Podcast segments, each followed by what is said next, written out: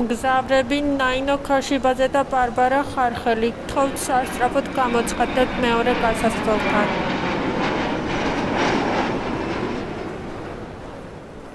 ვინ ვართ ჩვენ და რატომ შეიძლება დაგაინტერესოთ ჩვენმა ლაღბობამ? ნაინო თბილისიდან ერთვება. მე კი ბარბარა პარიზიდან. ჩვენ უკვე 2000 წლეულია საუკეთესო მეგობრები ვართ და ჩვენს მეგობრობას დისტანციამაც ვერაფერი დააკლო. ამ პოდკასტში შეგიძლიათ უსმინოთ ჩვენს მეგობრობას, სადაც ყოველ კვირა ერთმანეთს გავუზიარებთ სიახლეებს, განვიხილავთ საინტერესო მოვლენებს და იქნებ დავადგინოთ ჯობია თუ არა თბილისის ანზა ეიფელს. ცოტა გაციებული ვარ და სექსუალური ხმა მექნება და ფასიანი ხوار გავაკეთოთ ეს ეპიზოდი. კარგი იდეა. პირველი, მინდა რომ მოკითხვა გადავცე ჩვენ ერთგულ მსმენელებს. მიშას, ნინოს, არჩილს, ნინიკოს და ანკას. ესენი არიან ჩვენი მეგობრები, რომლებიც გვისმენენ და გაბოგვეხმაურნენ, ფიდბექიც მოგცეს. და ძალიან დოდი, თამთა, თეო, ანუ ყველა ეს ადამიანები, რატო დამიჩაგრე? კაი კითხვა არის. კაი კითხვა და კარია რომ დაამატე. თამთა რაღაცა ოჯახ სწორია, დოდის ოჯახ სწორია, თეოს ჩემთვის არ მოუწერია. შენ გელაპარაკა. ამიტომ ესა, ოჯახ სწორები არ ჩავთვალე. მოკლედ, ყველას მოკითხვა, ძალიან დიდი მადლობა რომ ფიდბექს წერთ, ძალიან გვეხმარება რომ უფრო რაღაც მიმართულებაზე ჩამოყალიბდეთ, რა მოგწონთ, რა არ მოგწონთ, მაგას რო გვეუბნები ჩვენს უფრო გვიადვილდება რომ ისე თქვენთვის სასიამოვნო მოსასმენი იყოს, თორე ჩვენ ჩვენ მეგობრობაში რა მოგწონს და რა არ მოგწონს არ გვაინტერესებს.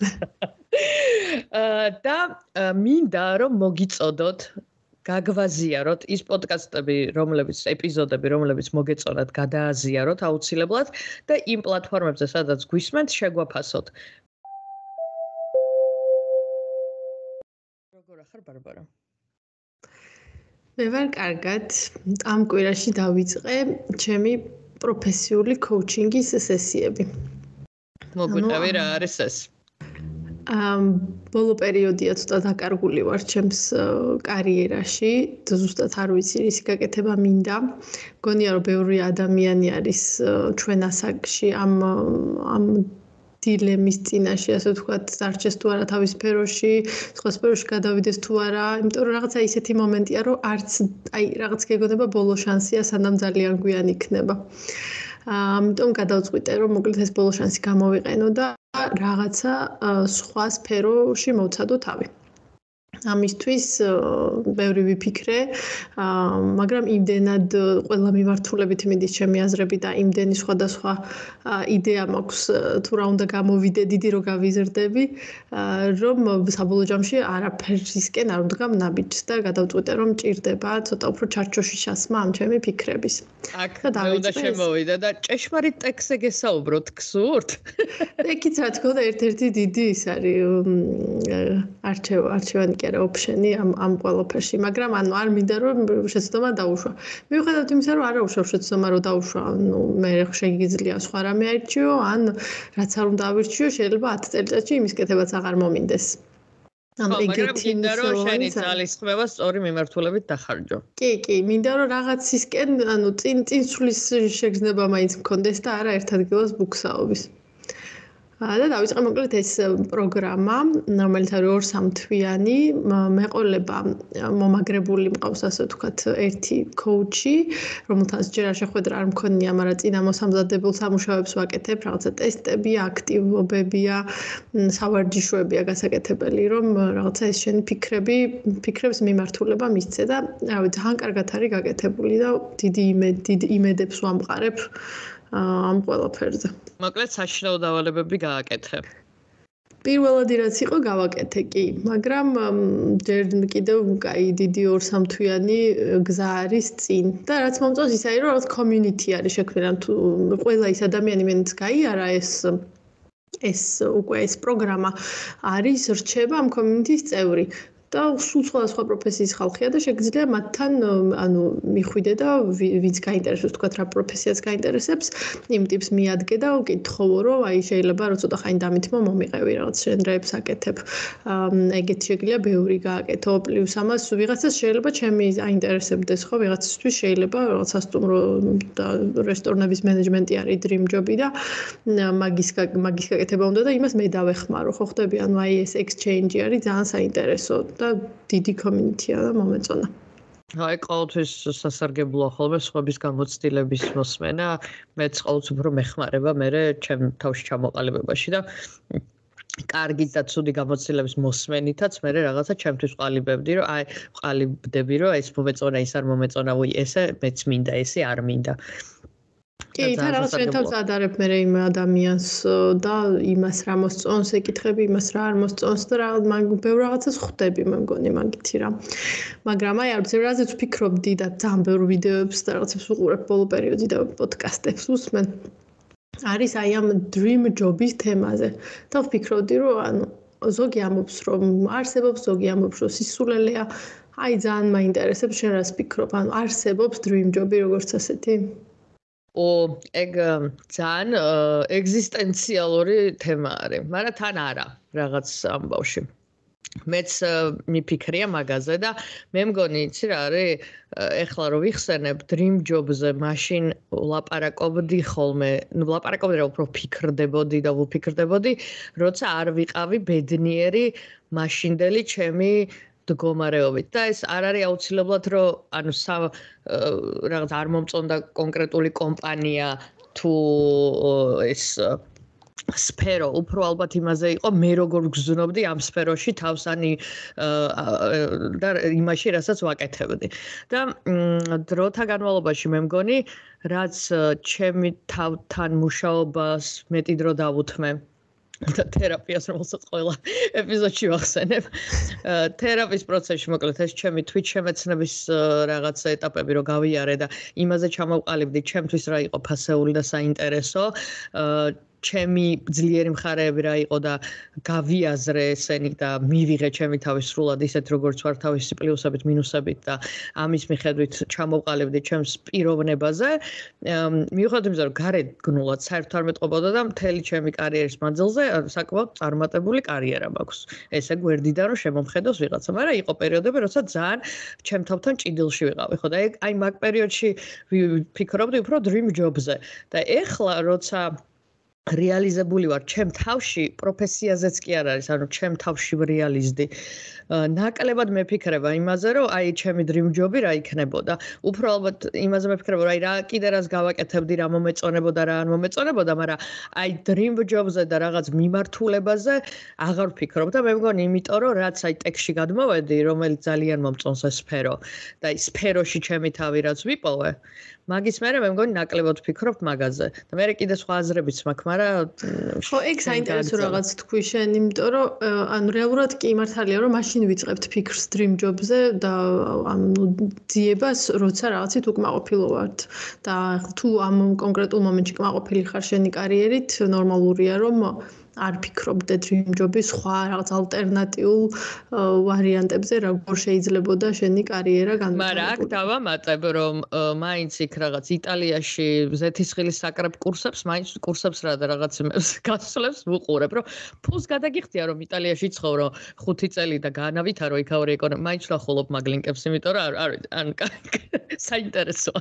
მინიმუმ ესე ლინკზე გადასვლა და თავის წარმოდგენა, რომ აი იტალიის ვილაში ცხოვრობ და ზეთისხილებს ვკრიფავ და იქ რაღაც რა არის იტალია იტალიელი ჰოტკაცების სახელი რა არის? გამავიწყდა მატეო მატეო იქ მატეოსთან ერთად იმას რაღაც წითელ ღვინოს ხო, ეგეთი კი, რაც რო გადის, მეც უფრო ნაკლებად მეფიქრება ეგეთ აი რადიკალურ ცვლილებებზე. ანუ მაინც რადიკალური იქნება ალბათ ყველანაირი ცვლილება, მაგრამ აი ეგ რომ თლიანი ცხოვრება შეიცვალო ამ ამოიდღლიზო ფესვები, გაწახვიდე სადღაც გაურკვეველ ადგილას, სადაც არც ენას ფლოფ არაფერს. აუ ეხლა ზუსტად მოვყევი ჩემი გადმოსვლა საფრანგეთში. ეხლა რომ ყვები თან ვა თან ვა ანალიზებ რომ ეს რა მივხვდი ჯერცები შენ ეგ ეტაპი გამოიარე და მე სფეროს ცვლილების ეტაპი გამოიარე და ანუ უკვე მე ისე დავხურე ეს ეპიზოდი ეხას დავხურე აუ იცი მე ხო სფეროს ეტაპიც ხო გამოვიარე? მე ხო ანუ თავიდან კონსალტინგში ვიყავი და მეც ცოტა ხანი თექში და მე გადავწყვიტე რომ აუცილებლად ჰოსპიტალიტიში მინდოდა ყოფნა. ანუ პირველი 4 წელი სულ სხვა ადგილას მქონდა გამოცდილება და მე მე მე გადავედი ჰოსპიტალიტი და სარესტორნო ბიზნესში რახან ანუ ზოგადად ფუდით ძალიან მე ვარ რა ქვია ინსპირირებული ადამიანი ხო, მჭირდება ფუნქციონირებისთვის, მაგრამ არა მიყვარს ან საჭმელი სასმელი, ეგ ყველა მიცის და მაგის გავლენით გადავწყვიტე რომ ჰოსპიტალიტიში გადავსულიყავი. მაგრამ ანუ აი ჰოსპიტალიტიმაც ამოწურა თავისი თავი და მივხვდი რომ საჭმელი თუ გაინტერესებს ჰოსპიტალიტი არ არის მაინც და მაინც ანუ საჭმელი და საჭმლის კეთება არ არის ერთი და იგივე რაღაცა და ჯერ ერთი რომ ანუ სამზარეულოში არ არასდროს არ მინდოდა მუშაობა. ასე რომ რაღაცნაირად ფურცელზე უკეთესად ჟღერდა ვიდრე რეალობაში აღმოჩნდა. ასე რომ მოკლედ ახლა რაღაცა სხვის დრო დადგა ჩემს ხოვრებაში. თან ისიც ემატება რომ როცა უკვე ოჯახი ყავს, იგივე მორალური და არც ფიზიკური ან დროის თავისუფლება აღარ გაქვს. ანუ 24 წლის ასაკში თუ ძალიან მეხალისებოდა დღე და ღამე სასტუმროში ყოფნა, ახლა აღარ აღარ მეხალისება. ახლა მინდა რომ რაღაც ადეკვატურ დროს მოვიდე სახლში და კიდე დამრჩეს ენერგია რომ ბავშვთან ვითამაშო. ანუ ამ ოჯახურმა სიტუაციამაც ბევრი ბევრი პროფესია რეალურად მას ქნა გამოაკლო ამ არჩევანს. ეხლა ის რას ვეხდე რომ ოჯახების შექმნის მერე კაპიტალიზმისთვის გამოუსადეგარი ხდება ადამიანი. მაგრამ ოფისის საათებშიც კარგად გაპახავებენ არ არის ეგ პრობლემა. ხო, მაგრამ ექსტრაზე ექსტრაზე ვიცახი, ანუ ის რომ აი ხა სახში აღარ ანუ ისიც ისედაც ნუ 8 საათიან სამუშაოზე აღარ ვილაპარაკებ. ცალკე ეპიზოდის თემა არის და მაგ ზოგადად მაგარ მაგაზე რა ხდება შეგვიძლია მე კიდე ვილაპარაკოთ მაგრამ ხო ანუ ის კიდე ექსტრა რომ მუშაობ და რო არ გეზარება და მაინც რო რა ვიცი ხა თავისუფალი ვარ და ბარემ წავი მუშაობდი და ეგ მიზი გომასხოთ შორს რაღაცნაირად გამჯდარი მქონდა მანამდე სანამ გამოცდილებას დავაგროვებდი. და რაღაცნაირად ის ის მეგონა რომ აუცილებლად აი ეს დიდხანს უნდა დარჩე თუ გიყვარს შენი საქმე თუ რაღაცაები რაც სრული სიცოცხლეა და მაგაში არ ჩავერ აუ ძალიან მეზიზღებოდა ჩემი საქმე მაგრამ მაინც ვრჩებოდი ანუ აქ საფრანგეთში ჩემი სამსახურები რეალურად არ მომწონდა და მაინც ვრჩებოდი ძალიან ბევრი საათი და მაინც თან არადეკლარირებულად რა თქმა უნდა და არანაირი ოვერთაიმის ანაზღაურებით ანუ მგონია რომ რაღაცა ის ზედმეტი პასუხისგებლობის შნობა თუ რაღაცა people pleaser-ობა თუ არ ვიცი რა არის, მაგრამ ცოტა მონური მენტალიტეტი ძალიან მიჭირს რომ იმას ვქნა ხოლმე რა. მაგას გადავლახო და ვთქვა რომ არა ჩემი ჩემი წასვლის დროზე წავალ რაც იყო ვთქვა 5 საათი ანუ არასდროს არ წავსულ 5 საათზე. და მაგასაც ნელ-ნელა ვცდილობ რომ ცოტა იმას ვქნა რა გადავლახო ეგ პრობლემა. ესეც ამ ჩემ მეუღლეს უ მაგაზე მეჩხუბებოდა რომ რატო რჩები რატო რჩები და თუ რჩები და დეკლარირება გააკეთე რომ აგინაზღავრონ მაგრამ ძალიან ცუდი ტონი იყო ნუ ოვერთაიმის დეკლარაცია მენეჯერებისთვის იმიტომ რომ რაღაცნაირად მეტი მოგეთხოვებოდა. ხო და არ ვაკეთებდი. და მოკლედ მაგაზე გქონდა ხოლმე სულ. ეგ ის ცალკე საინტერესო თემა არის ჰოსპიტალიზის განსხვავება საქართველოს და საფრანგეთის შორის და მაგაზე მე მგონი შეგვიძლია დააკომენტარეთ თუ გაინტერესებთ ეს თემა და მაგაზე ცალკე ვისაუბრებთ ბარბის ბევრი მოსაყოლი აქვს მაგ თემაზე. ხო და მოკლედ ამ მაგ თემაზე ჩვენ ხო ESM-ში ვსწავლობდით და ESM-ში იმიტომ ჩავაბარე, რომ ვიცოდი, რომ აუცილებლად ვიპოვიდი სამსახურს ESM-ის მერე, რომელიც იქნებოდა კარგად ანაზღაურებადი. ეს იყო პირველადი და ერთადერთი мотиваცია. ანუ იმ დროისთვის 15 წლის ვიყავი და არაფერი არ ვიცოდი სხვა. დედაც ჩემი უთხრეს, რომ ეს არის რა ქვია, კარგ სამსახურს იპოვის მერე და ეგ იყო ერთ-ერთი კრიტერიუმი. შესაბამისად რო დავიწყეთ, ანუ მაგ მიდგომით ვიყავი და გადავხედე, გადმოვხედე მეთქი, კაი ფინანსებში ალბათ ყველაზე კარგი ხელფასები იქნება და მაინტერესებდა ფინანსები. სანამ მოვიდა მესამე კურსი და მოვიდა კოლიას ლექციები, რომელმაც აბსოლუტურად გადამეტრიალა თავში ყველაფერი და პირველად ცხოვრებაში დამისვა კითხვა და დამასმევინა ჩემ თავთან აა უნდა მუშაობდეთ თუ არა მხოლოდ ხელფასისთვის თუ რაღაცა სხვისთვის. ან პირველად დავუშვი რომ შეიძლება რამე სხვისთვის მუშაობდე, ან რაღაცა ფეშენი გქონდეს თემაზე, ან რაღაცა მისია გქონდეს ცხოვრებაში, რაღაცა სხვა არსებობდეს ხელფასის გარდა. და მას მერე გადავარდი მეორე უკიდურესობაში, რომელიც არის აუ ხელფასის უფეხებზე მკიდია, მთავარია მომწონდეს, რასაც ვაკეთებ. და დიდი ხანი ეგრევ ცხოვრობდი, დიდად არ უყურებდი ხელფასს. და არც იყო მნიშვნელოვანი ხა საკმარისი მქონდა და ეგეთ მატერიალური რაღაცების მოთხოვნილება არ მქონდა ბევრის და მაწყობდა. მაგრამ ეხლა ის დრო და მიდგა ისევ და ისევ. როდესაც ისევ მნიშვნელოვანი გახდა ფინანსები და კიდევ ერთხელ შეიცვალა ეს ჩემი სოფლო მხედველობა. ხო, აქ ჩანარც გავაკეთებ, რომ არის საუბარი نيكოლოზ მარკოზაშვილზე, რომელიც საქართველოს იყო მენეჯმენტის გურუ და გაგვიმართლა, რომ ჩვენი ლექტორი იყო, მენტორი იყო, უნივერსიტეტს გარეთაც ძალიან ბევრ რაღაცებს გვასწავლიდა. თავის კლუბი ქონდა და მოკლედ ბევრი რაღაც სოფხედველურად ჩვენთვის ბევრი რაღაცებს ჩამოყალიბებაში მიიღო მონაწილეობა, როცა ჯერ კიდე ჭყინტი ბავშვები ვიყავით და მაშინ ცოტა არ გვესმოდა გვეჩხუბებოდა ხოლმე და ჩვენ გვეშინოდა. მაგრამ მე მგონი მე და შენ ვიყავით იმ იმათ რიგში, ვისაც არ შეეშინდა და მივხვდით, რომ რაღაცა სწორს იწახის ეს კაცი. კი, კი, მაგიტომაც დავუმეგობრდით და დავდიოდით მე მის კლუბში, სადაც ძალიან საინტერესო ციგნებს განვიხილავდით და ეს თემა ხშირად ანუ მენეჯმენტზე იყო სულ მაგრამ ას მენეჯმენტის ის იყო საინტერესო რომ ამბობდა რომ ფაქტობრივად ყველაზე მნიშვნელოვანი რაღაცა შენს ანუ სამსახურში ბედნიერებაში არის შენი მენეჯერი და მე როგორ ანუ როგორი არის ადამიანი ბედნიერი რომელიც არის სამსახურში ეს იმას რომ კითხულობდით გახსოვს first break all the rules ერქვა გალაპის დიდი კვლევის კვლევა რო გააკეთეს უამრავ ორგანიზაციაში და რაღაც 12 კითხვა რო ჩამოწერეს რის მიხედვითაც აფასებდნენ რამდენად ბედნიერი იყო თანამშრომელი. გახსოვს ეგ მე მგონი არა მაგრამ მოყევე ეგ ძალიან ეგ ეგ იყო ერთ-ერთი ყველაზე ისეთ მნიშვნელოვანი ფაინდინგი რაც გამიკეთებია. ეგ ეგ ციგნი რა. First break all the rules ქვია. მე მგონია რომ ეხლაც აქტუალური იქნება და მოკლედ არის უამრავი კითხვა 12 კითხვა უბრალოდ კონკრეტულად. ერთ-ერთი მაგ კითხვებში არის რაც მომაც ყველაზე მეტად გამოგვირვა თავის დროზე იყო ყავს თუ არა საუკეთესო მეგობარი სამსახურში. და იმდენად ამოვარდნილი არის ყველა დანარჩენი კითხვისგან ეგ რომ მეთქი ანუ აი ეს რა შუაშია მაგრამ ეხა მივხვდი რომ ძალიან მნიშვნელოვანია რომ მეგობარი ყავდეს ანუ სოციალური ასპექტი ძალიან მნიშვნელოვანია სამსახურში. აა რო რო გიხარია მისვლა თუ გინდ სოციალური ასპექტის გამო რომ მეგობრები კითხვები გყავს და ასევე რაღაც უამრავი სხვა კითხვა იყო.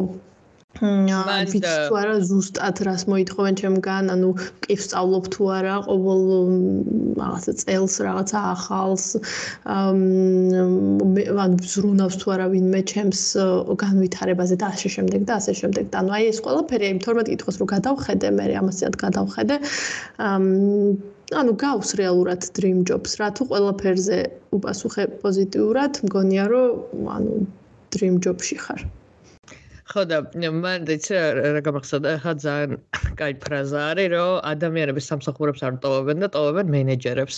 და ეგ ძალიან მნიშვნელოვანი რამეა რაც ძალიან ბევრი ადამიანს გააზრებული არ აქვს და ხა მენეჯმენტის თემაში აღარ გადავალ იმიტომ რომ dream jobs-ზე ვსაუბრობ ეგეც ძალიან ესეთი სიღრმისეული თემა არის. მაგრამ ძალიან მართალია კი და community-ს რაც შეეხება, კი მეც დაგეთანხმები, რომ ძირთადად ბევრ სამსახურში ალბათ რომლიდანაც თქვა იმაზე მალე მინდოდა წამოსვლა, ვიდრე წამოსულ ვარ, ძირთადად ადამიანები იყო, რაც მაკავებდა ხოლმე, გარდა ვთქვათ რაღაცა სხვა ვალდებულებებისა, რაც შეიძლება რომ მინდოდა რომ დამემთავრებინა, მაგრამ აი ეს community-ს შეგრძნება ჩემთვისაც ძალიან მნიშვნელოვანია, იმიტომ რომ თუ საინტერესო ხალხთან არ საინტერესოზეც არა, ჩემ ჩემ ჭკუის ხალხთან არ ერთად არ მუშაობ, მე ძალიან მიჭირს, იმიტომ რომ ჯერსი ძალიან დიდ ნაწილს დროის ვატარებ სამსახურში და თუ ხა დღეში 8 საათი ისეთ ხალხს ვეკონტაქტები, ვისთანაც არ მინდა კონტაქტი, ეს არის ძალიან ძალიან დისკომფორტია, რომ მაგ დისკომფორტის ატანა არც ერთ ხელფასად არ მიღირს, არანაირად, იმიტომ რომ ნუ ეხ მეც რაღაცებს ნახულობდი ამ თემაზე ამას წინ და ზოგადად მოკლედ ხელფასის ბედნიერებასთან კორელაცია იკლებს რაც უფრო მაღლა მიდის, ანუ რაღაცა ეტაპამდე, სანამ თქვათ ის რაღაც მინიმუმი არ გაქვს დაკმაყოფილებული ხელფასის მატებას მოაქვს ეს კმაყოფილება და მე აი რაღაც ეტაპზე რომ მიდიხარ, აი basic Maslow's პირამიდას რო ავსებ მოკლედ რომელიც ვიღაცისთვის სხვანაირია და ვიღაცისთვის სხვანაირი ალბათ. მაგრამ ნუ აი ჯამში რაღაცა basic საჭიროებებს რო ივსებ, მე მაგის მერე ეს ხელფასის მატება იმდენად დიდ გავლენას არ ახდენს შენს იმაზე ბედნიერებაზე და კმაყოფილებაზე. შესაბამისად, კარიერის რაღაცა ეტაპზე, როცა უკვე რაღაც წილად შემდგარი ადამიანი ხარ, ახლა ანუ დამწყები როცა ვიყავი და პირველი სადღაც ხელფასის იმაშიც ვახსენეთ, რომ პირველი ხელფას მოულოდნელად რო ავიღე და არც ველოდი რომ ხელფას ავიღებდი, იმიტომ რომ სტაჟიორი ვიყავი და მეგონა რომ არ იყო paid ის ჩემი პოზიცია ძალიან გამიხარდა, მაგრამ ეხლა ეგრე ვერ გამახარებ მოულოდნელი პატარა ხელფასით და სხვა რაღაცები არის, რაც უფრო მნიშვნელოვანია რა გადაწყვეტილების მიღებისას. აა და აი dream job-ი, dream job-ზე რო ვფიქრობდი, მმ ან შეიძლება აი ახლა ჩვენ რაზეც ვლაპარაკობთ არის უფრო მეტად რაღაცა აი რა რა სიტუაცია, ხელფასი, მეგობრები, მენეჯერი და ასე შემდეგ, მაგრამ აი როგორ უნდა აერჩიო რა სფეროში გინდა ყოფნა. მე ახლა ყველაზე მეტად ეგ მიჭირს სიმართლე რო გითხრა. ანუ სად ვეძებო საერთოდ რა სფეროში გადავიდე? ან ეგ არის პირველადი კითხვა. და მაგისთვის ვცდილობ, რომ გავიგო მე როგორი ტიპაჟი ვარ და როგორი ტიპის სამსახური შემესაბამება. ამიტომ ვაკეთებ რაღაცა მილიონ პერსონალიტი ტესტებს და რაღაცებს და ყველას მე ერთმანეთთან ვაჯამებ და ვცდილობ გამოვიყვანო საშუალო არითმეტიკული ფარმი. კი, ზუსტად. და გამოვიყვანო რაღაც პროფესიები, რაც შემესაბამება და რომელიც თან მომეწონება. მაგაზე კიდე გამახსენდა ეს იკიგაის ეს რო არის თეორია, ანუ იაპონიაში ეს რაღაცა thing რო არის იკიგაი, ანუ რაღაც რაღაც რაც რაც გიყვარს, რაც გიყვარს რომ აკეთო, რაც კარგად გამოგდის, რაც სამყაროს ჭირდება და რაშიც ფულს გიხდიან. ანუ აი ეს რაღაცა რომ მიპოვო და რაღაცა ყველა ეძებს ამ თავის იკიგაის. და რა თქმა უნდა მეც ვეძებ ამ რაღაცას, რაც თან მე სიამონება, თან კარგად გამომივა, თან რაღაცა მისიას შეასრულებს სამყაროში, იმიტომ რომ მაინც მნიშვნელოვანია ეგ სენსის კონაც პროფესიაში და თან რაშიც ფულს გადამიხდიან, თან ნორმალურს. სხვა შორის მეცაც გეტყვი რომ ექსენსის შეგზნება კი კი არა ერთ-ერთი ყველაზე მნიშვნელოვანია.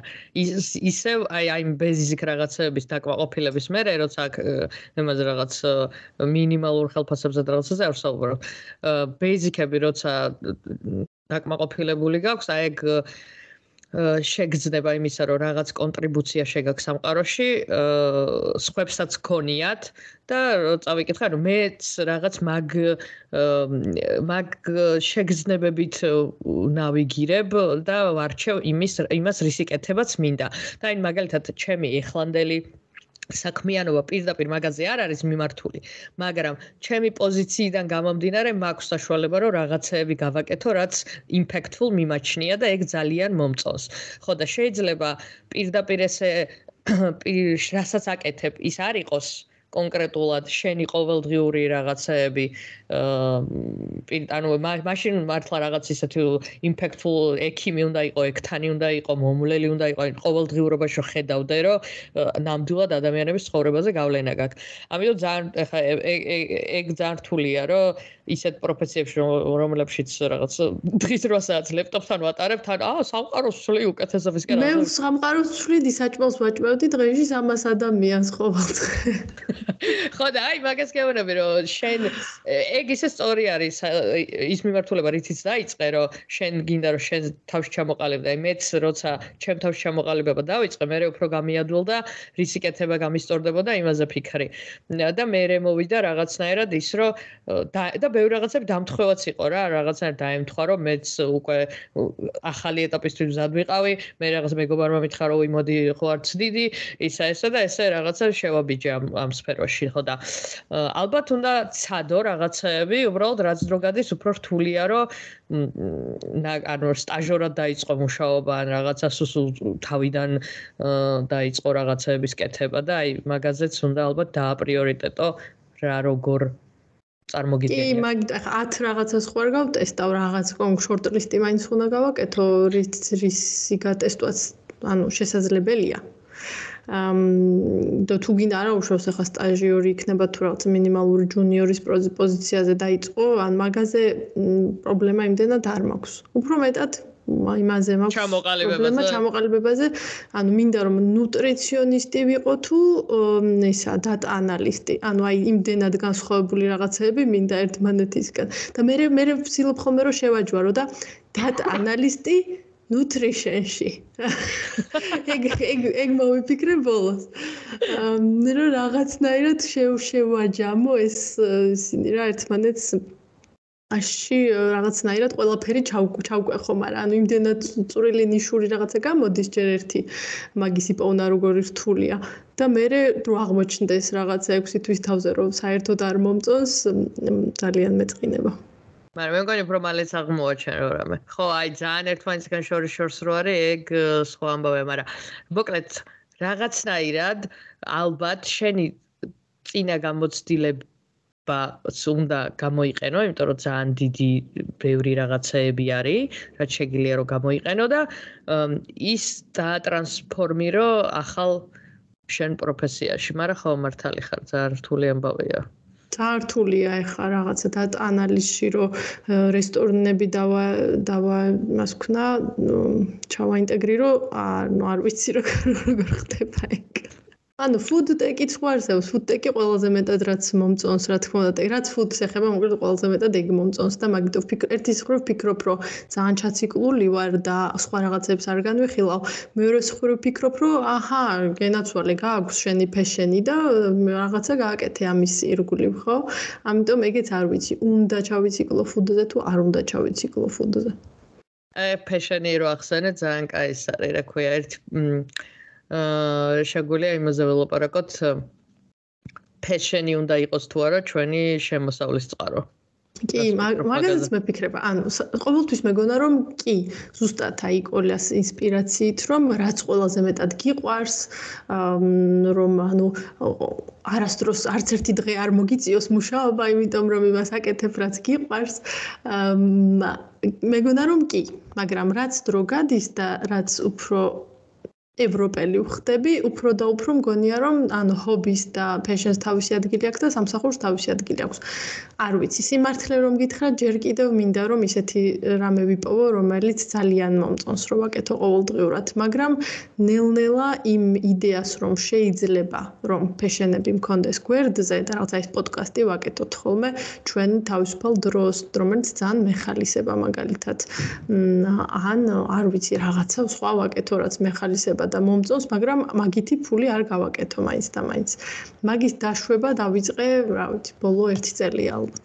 ხო და მეც სხვა ჩერს ადრე ვფიქრობდი, აი იმ პერიოდში როცა არ ვიყავ თლად ბედნიერი, ჩემი თავით და აი და ძალიან ეროებ მეშლებოდა მაგ გამოთქმაზე, რომ აი ხო ის რა შენ ფეშენს რო იპოვი, მე არც ერთი დღე არ იმუშავებ რაღაცა, იმიტომ რომ არასდროს არ ყოფილა რომ რაღაცა არ დამზარებოდეს. და ზოგადად ჩემს რაღაცები რუტინაში რო გადადის ხოლმე, მე საკმაოდ მბეზრდება. აი ხლანდელ მაგალითად ჩემ აა მაშინ საქმეში ის არის რომ ძალიან არამოსაწყენი არის რაღაცები რასაც ვაკეთებ რა. ანუ სულ რაღაც ახალ-ახალი რაღაცები ხდება. და ეგ საინტერესოა და მე მგონია რომ მაგიტო არის რომ ამდენი ხანი ანუ ყველაზე დიდი ხანია რაც აა ერთ ადგილას ასე რომ ვთქვა გაჩერებული ვარ ოღონდ მოძრაობ. იმაზე ვარ. დაროშკაზე და რა ქვია არბენ ბილიქზე ხო და აა ადრე ძალიან რომ მეშლებოდა იმიტომ რომ ვერ ხვდებოდი ჩემი ფეშენიც რა იყო მეც ეგრე. და თან როგორ შეიძლებოდა რომ ის რაც მომწონს იმისგან ფული მეკეთებინა იმიტომ რომ არ გამოდიოდა რომ იმ რეალობაში რომ მაგისგან ფული მეკეთებინა და მე მოკლედ მივხვდი რომ ყველაფერი რაც გამოგდის არ არის აუცილებელი რომ ანუ უფრო ფეშენის გარდა კიდე აი ყველაფერი რაც შეიძლება რომ გამოგივიდეს ხელიდან არ არის აუცილებელი რომ ფულის მომტანი იყოს და რაღაცები შეიძლება შენი სიამოვნებისთვის აკეთო. ანუ მაგალითად ის რომ კარგად შემიძლია კერვა არ ნიშნავს რომ კერავი უნდა გავხდე. ის რომ რაღაც მიყვარს ტანსაცმლის შეხამება არ ნიშნავს რომ სტაილისტი უნდა გავხდე აუცილებლად. ან ის რომ საჭმლის კეთება გამომდის არ ნიშნავს რომ ზარეული უნდა ვიყო, იმიტომ რომ ეს საჭმლის კეთებაც ხანდახან ჩემი თავისთვისაც მეზარება.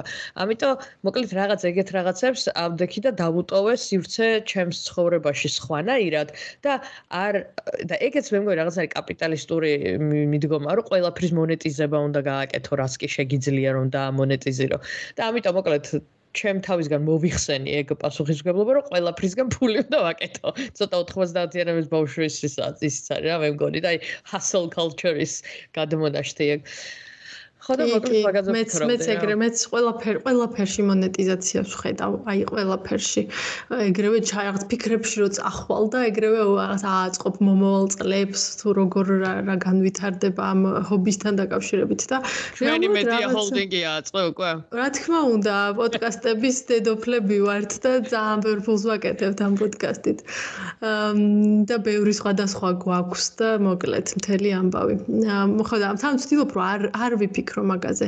იმიტომ რომ რაღაცა სიამოვნებას აკლებს მე მგონი რა, ეგ რომ რაღაცა met expectation-ებს ამყარებ რაღაცაზე, რაც იმ მომენტში სიამოვნებს და მე შეიძლება ის იმედგაცრუებული იყო, არა და უბრალოდ შეირგე რა ის სიამოვნე რაც რასაც აკეთებ იმით, იმდენად ცოტა რაღაცა არის, რაც რეალურად გსიამოვნებს, რომ ეგეც არ გაიფუჭო რა.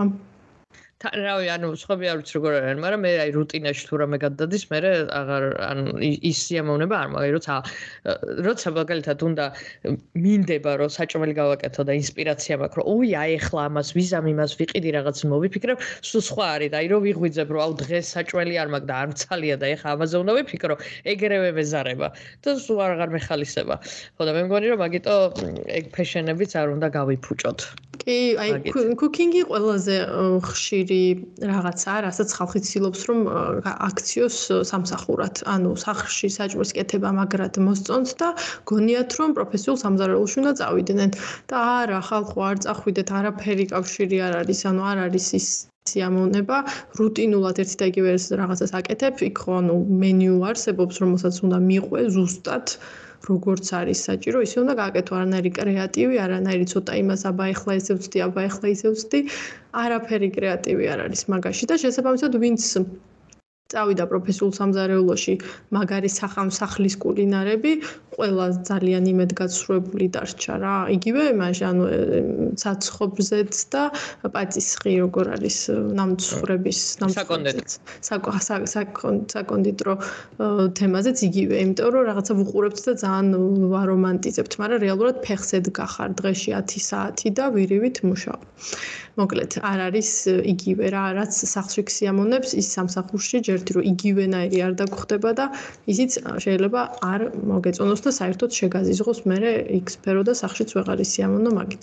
მე კიდევ კარგი ეგ არ დამემართა მიუხედავად იმისა რომ დღეში 12 საათ სამზარეულოში ვატარებდი ჩემ ბოლო ბიზნესში ანუ არ არ შემოზიზღდა მზარეულობა და პირიქით ძალიან მსიამოვნებს მაგრამ როცა ვიცი რომ მხოლოდ ჩვენთვის და სახლისთვის ვაკეთებ და რაღაცებს ვექს ექსპერიმენტობ და სხვა სხვა მიდგომით ვაკეთებ. თან მან ცოტა ის განსხვავებაცაა, რომ შენი ბიზნესი როცა კიდე სხვანაირი мотиваცია გაქვს, ახლა სხვის დავალებულს როცა აკეთებ, კიდე სხვა არის. ხო, ეგ კიდე უარესია, კი წარმომიდგენია. კიდე იცი რა არის საინტერესო? რაღაცეები, რაც კარგად გამოგდის, მაგრამ არ მოგწონს რომ აკეთო. აი ეგ რაღაც მაგალითად ჩემთვის ეგ არის მენეჯმენტი, ხალხის მენეჯმენტი. მგონია რომ კარგად გამომდის, იმიტომ რომ ვიცი როგორ უნდა გავაკეთო. და მგონია რომ ანუ ახლა ემპათია რაღაცა მაქვს, ანუ მგონია რომ კარგად გამომდის, მაგრამ არ მგონია რომ სიამოვნებს. და ეგ სხვა სხვა ადამიანებისთვის სხვადასხვა რაღაც შეიძლება იყოს ეგ. და რა ხან კარგად გამოგდის, რატომღაც რომ თვლი რომ უნდა გააკეთო. ხო, ეგ კიდე მეორე ის არის, კი მხარე. რომ შეიძლება რაღაცები გამოგდიოდეს, მაგრამ ხო, მეც მგონია რომ არ არის საჭირო. თუ არ ქსია, ანუ მან ხო იმის ბალანსია, რომ თან გამოგდის და თან ქსია მოვნებს.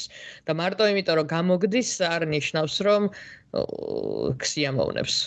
სახლის დალაგება. მაგ ხო რა, აი მაგ იმაში מחეში არ უნდა გაება რა, ანიმისი თუ რა გამოგდის, არ ვიცი ბავშვობაში რაღაცაში მაგარი იყავი და ყველა გეუბნებოდა რომ აუ შენ რა მაგარი ხარ ამაში და რატომღაც მე ვალდებულად თვლი თავს რომ იმ იმ იმ სფეროში უნდა წახვიდე აუცილებლად. რა ხან მაგარი ხარ თუ გინდ ფინანსებში ან რაღაც მსგავსში.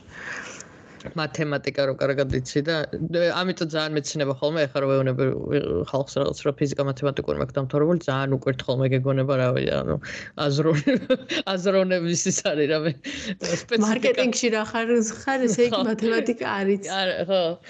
ხო და ძალიან ის არის თქვენ ხო ეგეც სასაცილოა ცოტა. ნაინო რა გაბედნიერებს ყველაზე მეტად? სამსახურში კარგი კითხვა. მმ მე ძალიან მიყვარს team-ში მუშაობა. და ბოლო პერიოდში მივხვდი, რომ ძალიან მიყვარს აი team-work-ით რაღაცა კარგ შედეგს რო ვდებთ. ძალიან მიხარია ხოლმე და აღარა მაქვს ადრე ის მქონდა ხოლმე რომ აუცილებლად მინდოდა თან როცა კრეატივის სფეროში ვიყავი იქ ძალიან ხომ მნიშვნელოვანი იყო რომ კრედიტი მიგეწერა რომ აი ეს სლოგანი მე მოვიფიქრე. და უნდა ხონოდა აუცილებლად და აი კოპირაიტერი იყო ნაინოკაში ბაძე და რაღაცა სცენარი დაწერა ნაინო და ეს იქ რაღაცა ძალიან მზღუდავდა და ბოჭავდა და ძალიან ისე მაგდებდა რა რაღაცნაირი მასე სტრესში. ხო და მე რა გავიაზრე რომ ჩემთვის ჯერსტი კრეატივის სხვაგან განმოფრქვევად შეიძლება და სხვა ხერხები არსებობს არ არის აუცილებლად რომ რაღაც შემოქმედებით სფეროში მუშაობდე, რომ კრეატივს აკეთებდე, იმიტომ რომ კრეატივი შეიძლება იყოს რაღაც კრეატიული გადაწყვეტები და მიდგომები და ბევრი სხვა რაღაცა. და მაგ სხვა კრეატიული აუთლეტი ვიპოვე მოკლედ ჩემი კრეატივის ტაქტოლოგია. და მივხვდი რომ თიმში მუშაობა ძალიან დიდ სიამოვნებას მაიჭებს, რა ეს ერთიანობის შეგრძნება, სადაც ერთად რაღაცებს გავაკეთებთ, ძალიან მომწონს. და მაგიტო რო ანუ როცა მომწონს ის ხალხი ვის ერთად მუშაობ, ალბათ ეგ არის რომ კვაყოფილებას მანიჭებს. საინტერესოა, იმდენი ხანია თიმში არ მიმუშავია.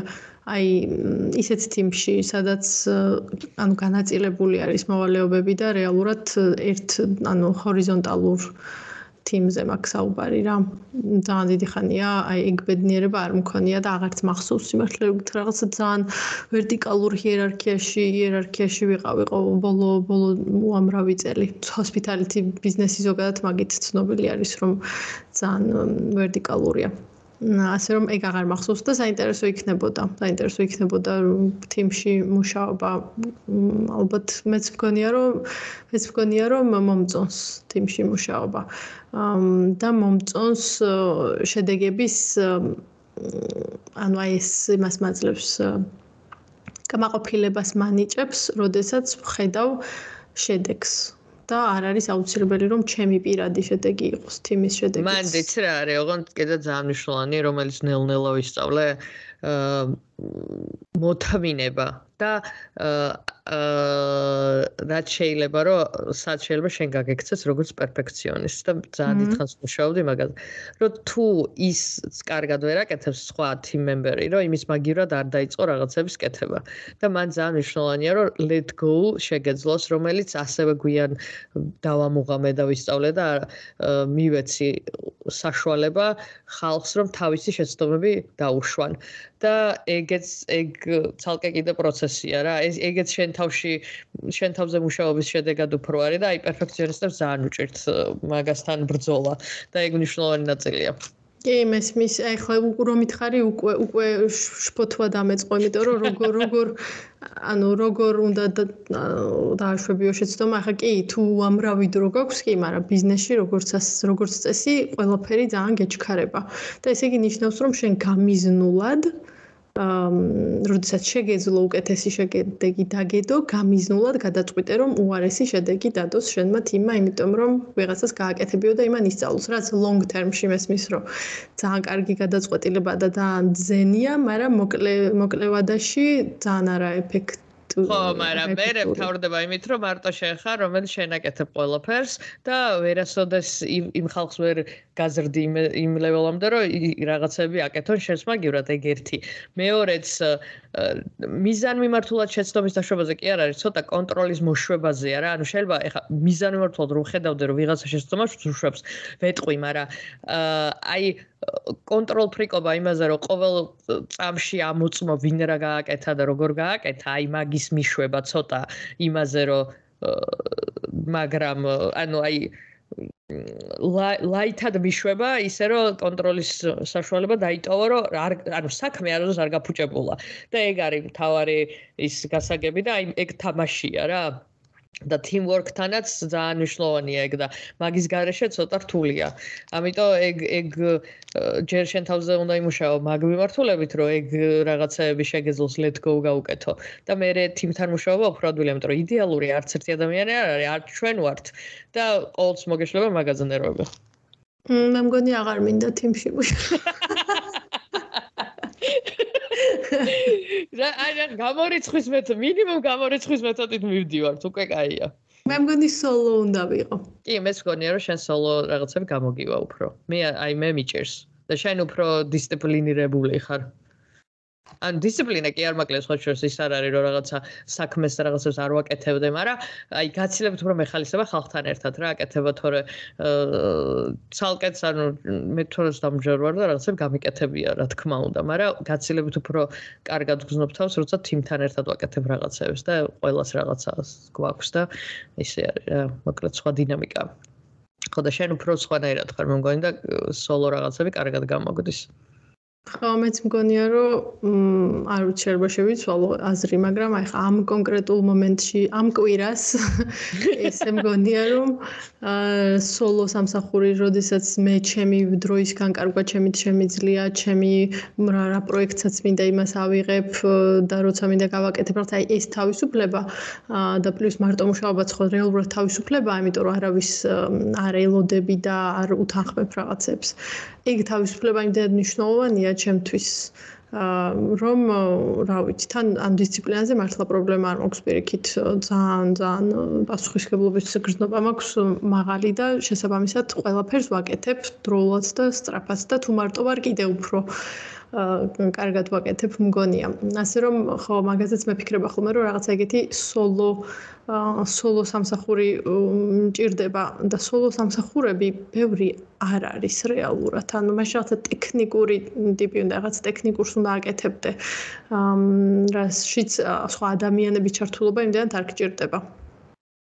ან შენი ბიზნესი, რაც უკვე შენი ბიზნესი, ხო უკვე 4 ბიზნესი გავხსენდა და დავაფეილე, მაგრამ ყველა ეს ბიზნესი სხვა ადამიანებს მოითხოვდა. ანუ ჩემი ბიზნესი კი, მაგრამ სადაც მარტო მე ვიქნები. ანუ ინდმე წარმე ინდმე წარმე aka freelance. ხო, freelance ესე იგი, solo მუშაობა, freelance, nutritionolog და data scientist. კი, აი ეგ იქნებოდა, აი ხა, აი ამ კვირას მგონია, რომ ეგ ძალიან იდეალური სამსახურია. ისე სხვათა შორის ეგ ჩემი ერთ-ერთი ფეშენი ეგ არის ძალიან მომწონს ხალხისთვის ხალხის მენტორინგი და რაღაცა ეგეთი ცხოვრების გზის გაკვალვა ეგეც მომწონს ძალიან. შენ უფრო მგონია რომ შენ კაი კოუჩი იქნებოდი ცხოვრებისეული. ანუ უფრო აი ცოტა უფრო ფსიქოლოგიის და აი ლაიფსტაილის უფრო ემოციებში და მსგავს რაღაცაში. მე მევასება კოუჩინგი ანუ ტექნიკურ რაღაცებზე, რაღაც აი ფული როგორ დახარჯოს და ბიუჯეტი როგორ გააკეთოს და სახლი როგორ დაალაგოს და საჭმელის პრეპარეიშენი როგორ გააკეთოს. აი მაგის კონსალტინგს ძალიან დიდი სიამოვნებით გავაკეთე. მიუხვდი. ნახ, ანუ კოუჩინგზე ძალიან ცუდი ის რო არ კონდეს რეპუტაცია, ბევრჯერ მიფიქრია, მაგრამ იმდენად ცუდი რეპუტაცია აქვს, რომ უბრალოდ ანუ მე არ ვარ მზად მაგისტრის მორალურად. აა მაგრამ მეც ანუ კოუჩინგი ძალიან საინტერესო მიმართულებაა ზოგადად. და მივხვდი ახლა ეგ რაღაცები რო ახსენე სამხედრო საქმეში და არა სახლი როგორ დაალაგო, საჭმელი როგორ გაიღვიძოთ, ტროსიკი გაიერეცხო. იქ რაღაცა. სოფთად როგორ ჩაიცვას? სასახლეში არ დააგვიანოთ. თუ უნდა მე ხარ ვაძალებ სამხედრო ვიქნებოდი ძალით რო ვაკეთებინებდი მაგას ფული უნდა გადამიხადოს იმაში რომ უთხრა ტრუსიკი როგორ გარეცხოს. დომინატრიქსი. ნო ეგეთ. next next level. ეგეთ ისინი ხო არის ძალიან ძვირიან ძვირიან დომინატრიქსები რომლებიც ანუ და იმას რა ქვია მილიონერებს რო სწორდებათ რო ეკრაჩმო იმიტომ რომ რაღაცა მამი ისივები რომლებსაც აქვთ. it's the same.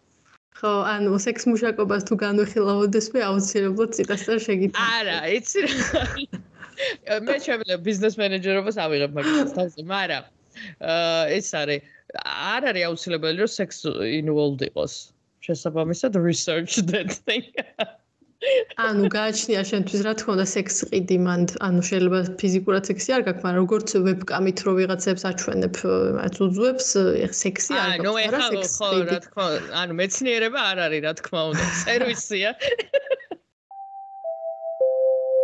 რა დავასკვენით აბა? ამ რა დავასკვენით? ვერაფერიც ვერ დავასკვენით. მე მგონი ესეთია კაი, ეხლა მე შევეცდები შევაჯამა მე რა დავასკვენ.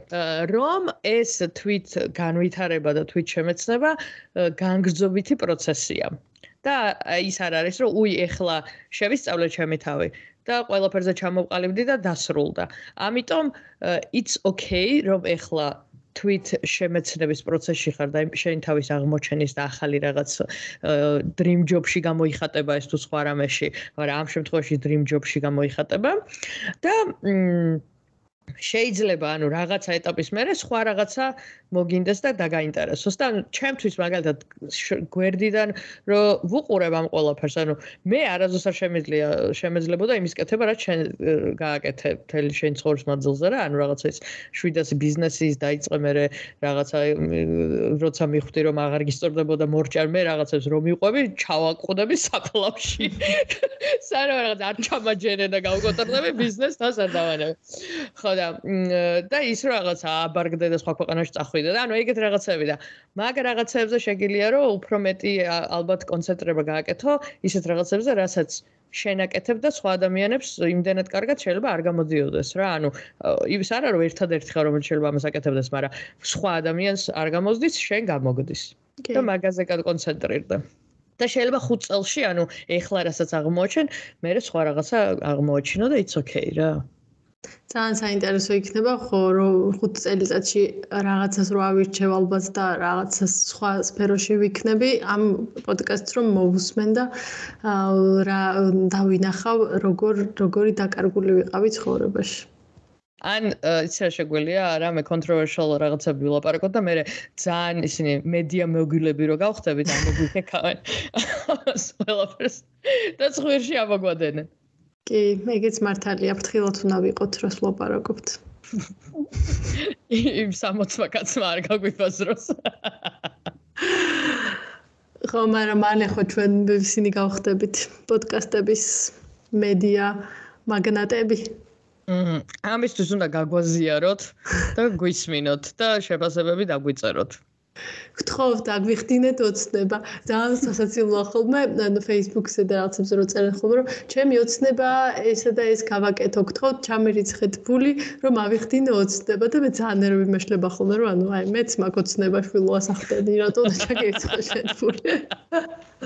დაეხმარეთ პატარა ბარბარას Dream Shop